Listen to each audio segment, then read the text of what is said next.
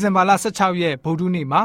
လေ့လာသွားမယ့်ဥပုသ္စာဖြစ်တဲ့ငန်းဆိုင်ခေါင်းစဉ်ကတော့မျှတမှုကိုရှာဖွေသောအချိန်ဖြစ်ပါတယ်။ယေရှုရှင်ဟာပြည့်ညတ်တော်ကိုယူတည်ပြီးတော့အလေးထားပါတယ်။သူဒီကဘာပေါ်မှာရှိနေတဲ့အချိန်ဘာသာရေးဥဆောင်နေတဲ့သူတွေကိုလည်းပဲပြည့်ညတ်တော်ရဲ့အ내ဒိဗေကိုပြန်ဆိုတာနဲ့ပတ်သက်ပြီးတော့စင်ခေါ်မှုပြုခဲ့ပါတယ်။ဥပုံနေ့မှာပြုခဲ့တဲ့အမှုအတွက်စင်ခေါ်ချက်ကတော့အကြီးမားဆုံးဖြစ်ပါတယ်။တရားစရက်တွေမှာဥပုံနေ့နဲ့ပတ်သက်တဲ့ပညာပေးသင်ခန်းစာများစွာကိုလှုပ်ဆောင်ခဲ့ပါတယ်။ တိုရက်ကျမ်းကိုရွတ်ဖတ်ပြီးတော့အတိပ္ပယ်မှားမယွင်းရအောင်အတိပ္ပယ်ဖော်ကြပါတယ်။ကျမ်းတက်တွေနဲ့ဖရိရှဲတွေဟာပြည့်ညက်အကြောင်းရေးသားထားတဲ့စာတွေကို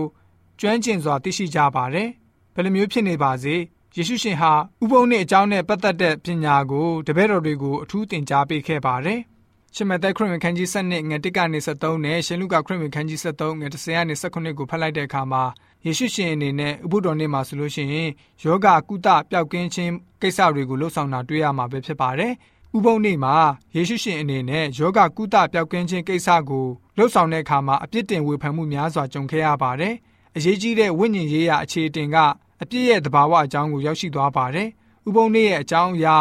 ခမဲတော်နဲ့ယေရှုရှင်ကြားဆက်သွယ်မှုနဲ့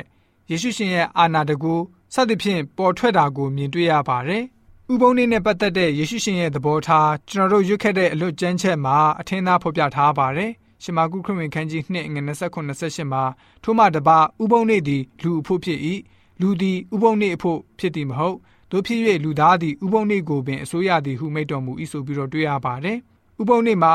ဝန်တော့ဝန်ဘိုးတပွဲနေထိုင်ရခြင်းမျိုးမဖြစ်စေဘဲနဲ့ဖျားရှင်ဟာဥပုံနေ့မှာလန်းလန်းဆန်းဆန်းပျော်ရွှင်စွာနေကြဖို့တွင်တင်ထားခြင်းဖြစ်ပါတယ်။ ဖျားသခင်ဟာဥပုဒ်တော်နေ့ကိုဖန်ဆင်းထားခြင်းကတော့လူသားအလုံးဖန်ဆင်းမှုအပေါ်မှာတန်ဖိုးကိုသိရှိနားလည်တတိယမြည်ဆန်းစေနိုင်မှုအတွက်ဖြစ်ပါတယ်။ယေရှုရှင်ဟာမေခွန်းတွေကိုထုတ်မေးရခြင်းကတော့တပည့်တော်တွေယူဒခေါင်းဆောင်တွေလူလူကြီးတွေကိုနှုတ်ကပတ်တော်ရေးသားထားခြင်းကို မျှော်တွေးဖို့အတွက်နဲ့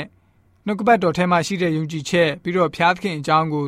စစ်စစ်သိရှိစေဖို့အတွက်ဖြစ်ပါတယ်။ကျွန်တော်တို့ကိုးကွယ်နေတဲ့ဖျားသခင်ဟာ ဘယ်လိုမျိုးသောဖျားဖြစ်တယ်ဆိုတာကိုနားလည်ဖို့နဲ့သူ့ရဲ့စရိတ္တအကြောင်းကိုလေ့လာတတ်ဖို့ဖြစ်ပါတယ်။အဲ့ဒါမှသာခရစ်တော်ရဲ့ဖြောင့်မတ်ခြင်းအဖြစ်သာကျွန်တော်တို့ဟာသက်စာရှိတဲ့နာခံမှုကိုပြုနိုင်ပြီးတော့ဖျားရှင်ကိုကိုးစားယုံကြည်နိုင်မှာဖြစ်ပါတယ်။ကျွန်တော်တို့ယုံကြည်သူများအနေနဲ့ဥပုဒ်တော်နေ့ကိုဘယ်လိုမျိုးစောင့်ထိန်နေသလဲ။မလှုပ်ရမသွားရမလာရဆိုတဲ့နေ့တစ်နေ့အဖြစ်သာသဘောထားနေပါသလားဒါမှမဟုတ်ဖျားရှင်ဆိုလို့ရှိရင်အမှန်တကယ်နားနေပြီးတော့ ဖျားရှင်အကြောင်းကိုပို့ပြီးတော့သိရှိနိုင်မှုမြည်ဆန်းတဲ့အချိန်လေးဖြစ်စေသလားဆိုတာကိုပြန်လည်ဆန်းစစ်ဖို့ဖြစ်ပါတယ်ဒီလိုကြောင့်ကျွန်တော်တို့ယုံကြည်သူများအနေနဲ့ဥပုံနေ့ကိုစောင့်ထိန်တဲ့နေရာမှာ